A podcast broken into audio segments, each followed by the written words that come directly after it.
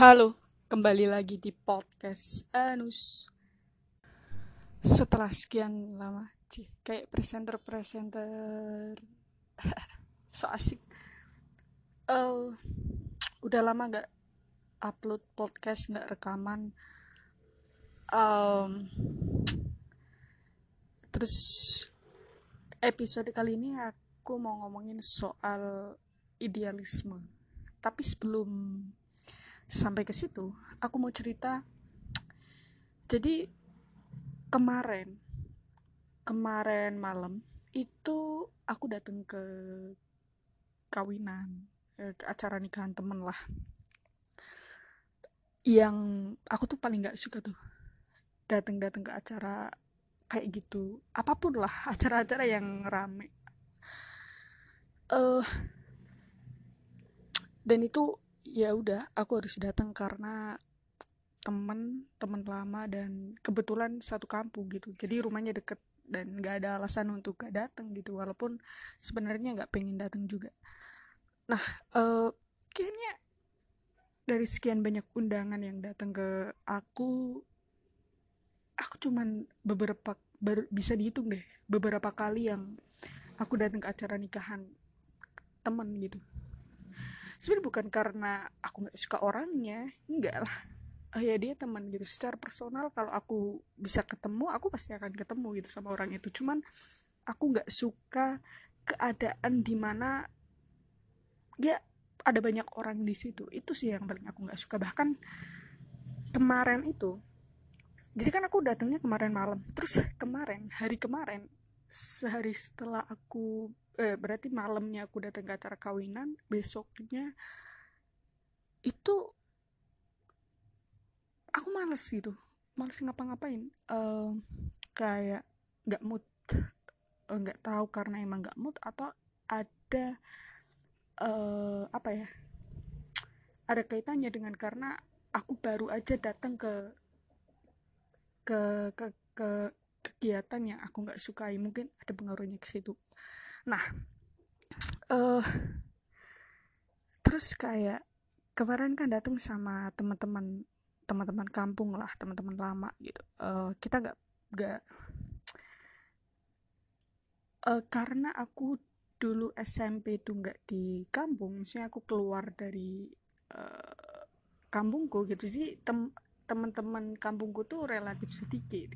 Jadi cuma teman-teman zaman SD nah kemarin itu uh, aku datang ke acara itu sama uh, beberapa temen lah beberapa temen yang aku kenal karena aku punya temen dan itu gerombolannya gitu kayak gengnya dulu zaman di SMP gitu uh, ya akhirnya kenal gitu kenal karena temennya temen. Uh, terus yang yang kayak uh, aku kepikiran kayak jadi kan di situ ada aku punya uh, di situ ada yang dulu zaman SMP itu jadi ketua osis. Terus ada uh, wakil ketua osisnya juga. Yaitu geng itulah dulu kenapa mereka akhirnya berteman. Karena dulu seperti gitu. Sementara karena aku nggak sekolah dengan mereka ya nggak gitu. Uh, aku cuman ngikut aja lah uh, pertemanan sama mereka. Terus yang lucu adalah jadi ada salah satu anak yang uh, berusaha untuk basa-basi atau mencairkan suasana atau so asik gitu lah uh, dia bilang gini eh sini dong. Uh, dia nunjuk ke ke salah satu temanku yang pas SMP itu dia wakil ketua osis. Uh, terus di sebelah anak ini itu ada ketua osisnya. Uh, terus anak ini bilang kayak sini dong nih dicariin ketua osis gitu. Ketua osisnya di sini gitu. Nunjuk ke temanku yang wakil ketua osis itu. Terus kayak di pikiran aku langsung anjir ini anak. Maksudnya dia SMP itu kan udah 5-6 tahun yang lalu gitu. Kenapa bercandanya kayak gitu ya? Maksudnya bahasa basinya kayak gitu aku langsung kayak ah I'm quit sih. Maksudnya apa yang dihadapin gitu? Apa yang diharapin dari orang yang bercandaannya tuh pakai bercandaan 5-6 tahun yang lalu gitu? Maksudnya nggak apa-apa loh. Maksudnya uh, kita kan tumbuh gitu. Kita tumbuh kita berkembang uh, ada banyak hal baru yang kita dapat ya jangan berhenti di itu gitu. Maksudnya ba ganti dong bahasa bahasa so asiknya nanya apa kayak atau jangan gitulah mending diem daripada harus harus basa basi kayak gitu. Aku langsung ah oh itu kayak lucu lucu aja sih lucu terus kayak dipikirin kayak oh oh ternyata gitu ya maksudnya stuck di di itu gitu. Makanya aku juga aku kalau jadi orang yang aku nggak nggak mau jadi orang yang kayak gitu sih. Yang kayak uh, kita pernah kenal SD terus ketemu lagi uh, basa basinya dengan basa basi dulu zaman waktu SD dia dulu uh, pas kecil lu kan suka uh, nangis kan kalau disuruh maju gitu. Aku nggak nggak mau jadi orang itu sih karena semua orang kan berubah gitu. Semua orang berubah semua orang tumbuh dan ya gimana dong kalau ada temenku yang kayak gitu terus uh, kalau ada temenku yang kayak gitu sih aku langsung ah kayaknya udah deh. Kayaknya pertemanan kita berhenti di sini deh. Sih aku nggak nggak berharap apa pun dari obrolan setelah dia ngomong itu gitu. Apa gitu obrolan apa yang mau mau mau dia harapin gitu. Oh uh, itu terus aku mau ngomongin soal uh, idealisme gitu uh, uh, dikotomi bahwa yang muda itu biasanya idealis uh, ah uh, mereka kan karena masih muda aja gitu jadi idealis uh, belum belum dihadapin dengan uh, kehidupan yang yang uh, belum dihadapin dengan realita lah terus dibilang idealis. Ada banyak tuh yang yang beranggapan kayak gitu. Terus kayak uh, belakangan aku mikir anak-anak itu anak-anak muda yang dibilang idealis anak anak-anak yang baru lulus SMA terus uh, ikut organisasi uh, kemahasiswaan tuh masuk masuk universitas dan mereka berorganisasi. Itu kan anak-anak itu kan yang biasanya dibilang ah itu masih idealis lihat aja ntar uh, lima tahun ke depan dua tahun ke depan pasti akan berubah tuh pandangannya gitu. Aku nggak justru di pikiranku kayak uh, oh jangan-jangan mereka itu nggak pernah benar-benar menjadi idealis gitu. Uh, mereka cuman ingin mengungkapkan apa yang mereka tahu apa yang mereka anggap benar uh, dan dalam kapasitas mereka ya cuman itu gitu yang yang mereka tahu gitu kayak uh, karena dalam kapasitas mereka ya ya mereka tahu kehidupan harusnya kayak gini harus kayak gini teori ini. Uh, pengalaman hidup mereka belum membawa mereka ke hal yang lebih jauh lagi gitu. Dan itu nggak bisa dibilang bahwa mereka itu idealis gitu. Mereka cuman ingin mengungkapkan sesuatu yang mereka anggap benar kebetulan yang mereka tahu itu ya ibaratnya baru setengahnya atau baru seperempatnya belum seutuhnya gitu. Idealis itu kalau udah tahu seutuhnya dan dia tetap berpegangan dengan satu hal gitu itu baru idealis. Uh, kalau mereka mereka itu yang yang memulai pergerakan atau apa yang demo-demo apa gitu mereka nggak bisa dibilang idealis gitu. Uh, ya mereka cuma taunya itu gitu. Uh, selama mereka bersekolah uh, yang mereka tahu yang diajarkan oleh guru-guru mereka dosen-dosen mereka adalah bahwa ya nggak boleh korupsi gitu. Itu yang mereka tahu ya baru itu gitu. Jadi bukan idealis mereka cuma ingin mengungkapkan sesuatu yang mereka ag agak benar gitu. Uh, dan itu dalam hal apa pun ya mesti orang yang dulu berdakwah uh, tentang agama kan juga karena mereka uh, karena orang itu yakin bahwa agama yang mereka anut itu benar kemudian mereka ingin men menyalurkan menyebarkan ke orang-orang di sekitar mereka gitu dan yang nggak ada salahnya gitu mungkin kadang yang bikin kesel cara penyampaiannya aja gitu. Oh ya tapi kapasitas mereka yang mungkin masih remaja masih um, umur-umur labil gitu ya mereka belum punya cara komunikasi yang lebih dewasa gitu ya. Dia cuman bergerak dengan kapasitas uh, dia gitu.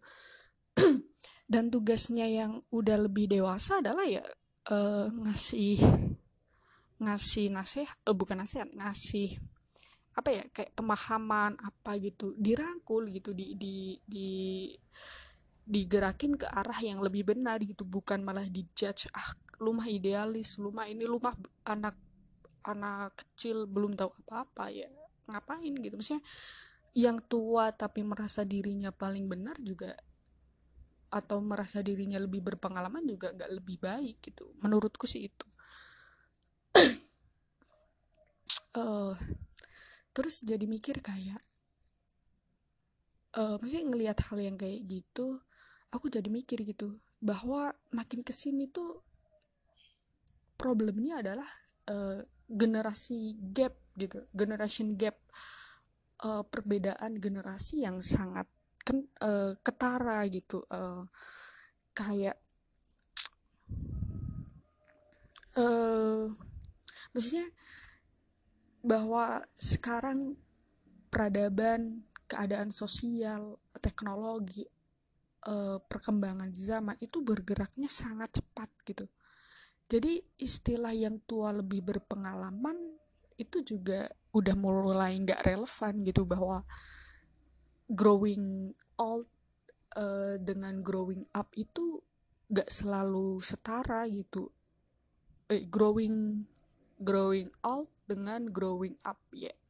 Itu nggak setara nggak setara nggak selalu setara gitu.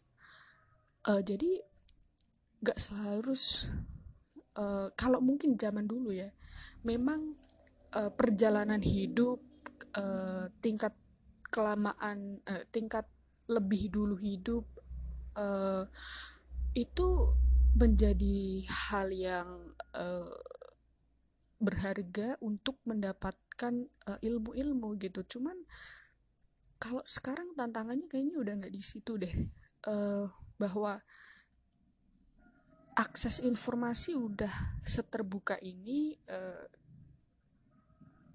dengan maksudnya tatanan uh, apa ya prosesnya itu udah nggak vertikal. Jadi udah nggak tingkat satu tingkat dua tingkat tiga tapi udah mulai horizontal uh, dan semuanya boleh boleh uh, mencari informasi dengan uh, sama gitu kesempatannya sama gitu.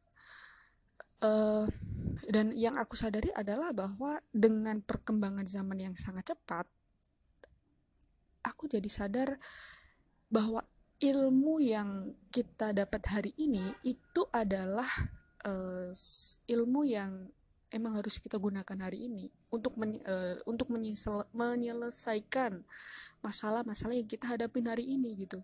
Kalau orang dulu mungkin uh, mere yang mereka dapat hari ini itu bisa mereka gunakan untuk uh,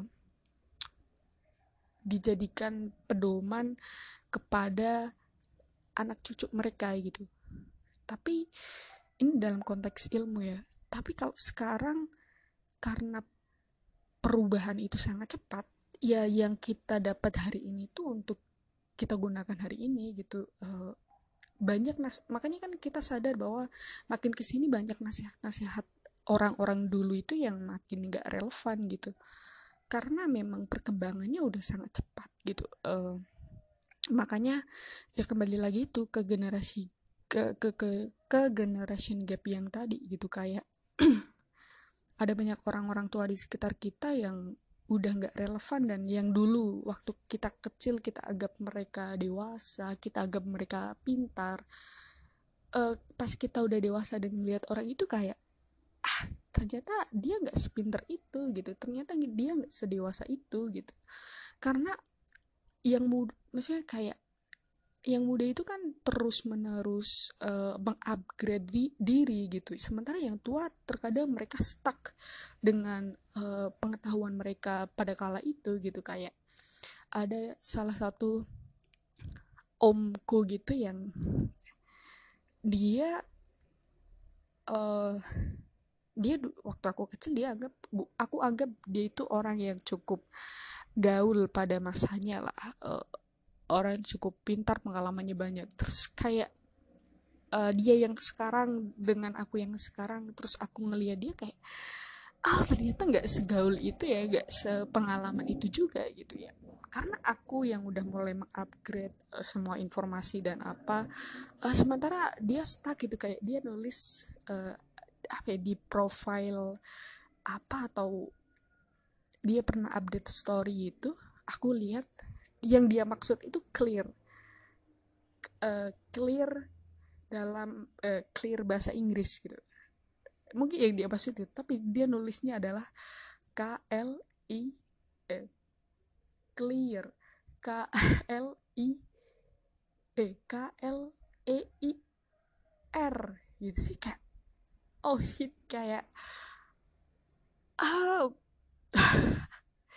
kayak kayak gitu gitu makanya itu sih yang aku yang aku sadari betul bahwa sekarang itu uh, bukan berarti ketika kamu lahir lebih dulu kamu bisa tahu segalanya gitu. Mungkin kalau dulu kayak gitu zaman zaman dulu gitu. Tapi sekarang dengan akses informasi apa dan lain-lain perkembangan zaman teknologi itu semuanya udah nggak nggak kayak gitu gitu. Yang lebih muda kadang bisa jauh lebih tahu dari kita uh, dan kita nggak selalu lebih tahu gitu yang yang tua-tua itu. Uh, makanya aku nggak mau jadi orang-orang yang kayak gitu sih. Orang-orang yang datang-datang dengan nasihat atau apa kuncinya itu sih. Jangan pernah menjadi orang yang dulu pernah kamu benci gitu. Jangan pernah menjadi karakter orang yang uh, dulu kamu pernah benci gitu kayak kalau lu nggak suka orang yang marah-marah ya lu jangan marah-marah gitu. Uh, tapi ada banyak yang orang yang sering lupa gitu dia nggak suka dengan orang wah dia tuh nyinyir apa? Tapi dia juga ngelakuin hal yang sama gitu dia menjadi orang yang dia benci itu sih yang harus dihindarin gitu. Uh, ketika sekarang kita uh, nyinyirin orang-orang tua yang uh, sering ngasih nasihat tapi hidupnya nggak nggak bener gitu. Ya lu jangan jadi orang itu gitu kalau nanti udah tua gitu. Itu sih kesadaran-kesadaran kayak gitu ya. Makanya kayak oh tantangannya nanti akan semakin berat sih untuk untuk uh, menjadi orang tua nantinya. Terus kayak itu ya ini ya balik ke soal idealisme gitu uh, selain tadi yang di awal di aku bahas ada hal lain yang so uh, gini ada yang bilang bahwa banyak idealisme yang kalah karena uang. Uh, sebenarnya jawabannya sama gitu. Kembali lagi bahwa orang-orang itu nggak pernah benar-benar idealis gitu. Karena ada yang bilang idealisme itu adalah sebuah kemewahan yang butuh sokongan atau dorongan dari uh, kekayaan gitu, dari uang gitu. Jadi untuk mendapatkan kemewahan dari idealisme itu ya harus selesaiin dulu nih masalah perekonomian gitu. Jadi idealisme nggak nggak pernah kalah dengan uang gitu. Lu cari dulu uangnya baru lu bisa idealis gitu. Uh, hal-hal kayak gitu sih yang menarik gitu. Dan aku tuh bingung ya. Uh, makin ke sini kayak makin nggak punya temen ngobrol gitu. Uh, ada teman ngobrol yang ya cuman satu dua uh, tapi makin ke sini kayak makin bias karena ya dia sering banget gitu ngobrol sama aku. Jadi aku pingin ngobrol sama orang yang sama sekali beda punya pendapat yang bisa bikin uh, sesuatu yang uh, bisa bikin pendapatku itu goyang gitu. Tapi ya argumen maksudnya dalam konteks argumen dibalas dengan argumen gitu. Bukan yang kayak uh, karena selama ini yang aku dapat adalah ketika aku ngobrol sama orang gitu mereka nggak pernah membalas dengan argumen gitu. Uh, mereka cuma ngebalas dengan state moral mereka gitu. Itu nggak masuk akal sih. Jadi ya aku tetap dengan pendirianku. Aku pinginnya tuh uh, sesuatu uh, argumenku tuh dipatahkan sama argumen lain yang bikin kepalaku kayak anjir bener banget tuh kayak gitu. Oh ya terus aku mulai nge-refresh uh, mulai mengupgrade uh, argumen-argumen gitu mulai upgrade uh, hal-hal yang aku pikirin gitu. Pinginnya tuh kayak gitu. Tapi susah banget gitu nemuin orang-orang kayak gitu. Bukan sekarang di lingkunganku lah lebih tepatnya gitu. Makanya uh, kemarin aku sempat WhatsApp temanku uh, dia anak anak ibu kota lah. Dia kecil dan besar di ibu kota uh, di Jakarta tepatnya di pusat pergaulan gitu di di Jakarta Selatan. Uh, terus dia punya keyakin uh, punya agama yang berbeda gitu dengan aku dan aku ba baru banget kepikiran kayak wah sayang banget ya kemarin-kemarin nggak sempet ngobrol banyak soal apa pun gitu uh, giliran pas mau ngobrol ya lagi pandemi gini uh, belum bisa ketemu gitu pingin banget sih aku ngobrol kayak uh, perspektif dia, pandangan dia yang hidup di kota besar, di pusat pergaulan, uh, dengan latar belakang yang berbeda lah gitu. Uh, pingin gitu ngobrol-ngobrol kayak gitu. Dan kayak makin ke sini orang-orang yang aku pikir uh, dia sepemikiran denganku ternyata enggak. Itu sih yang bikin oh ya emang emang harus uh, cari banyak teman. Bukan cari banyak teman sih. Harus harus selalu keep up uh, nggak tahu lah ya gimana emang harus berani untuk ninggalin uh, orang-orang lama? Terus yang dulu pernah aku bilang kayak makin ke sini kita akan mengikis orang-orang yang udah nggak sevalue dengan kita uh, kemudian memasukkan orang-orang yang kita pikir kita uh, sevalue ke dalam anggota keluarga kita gitu. Itu sih. Oke deh kayaknya itu aja ya ini sih cukup ngalor ngidul sih tapi semoga cukup menyenangkan untuk diri saya sendiri. Dah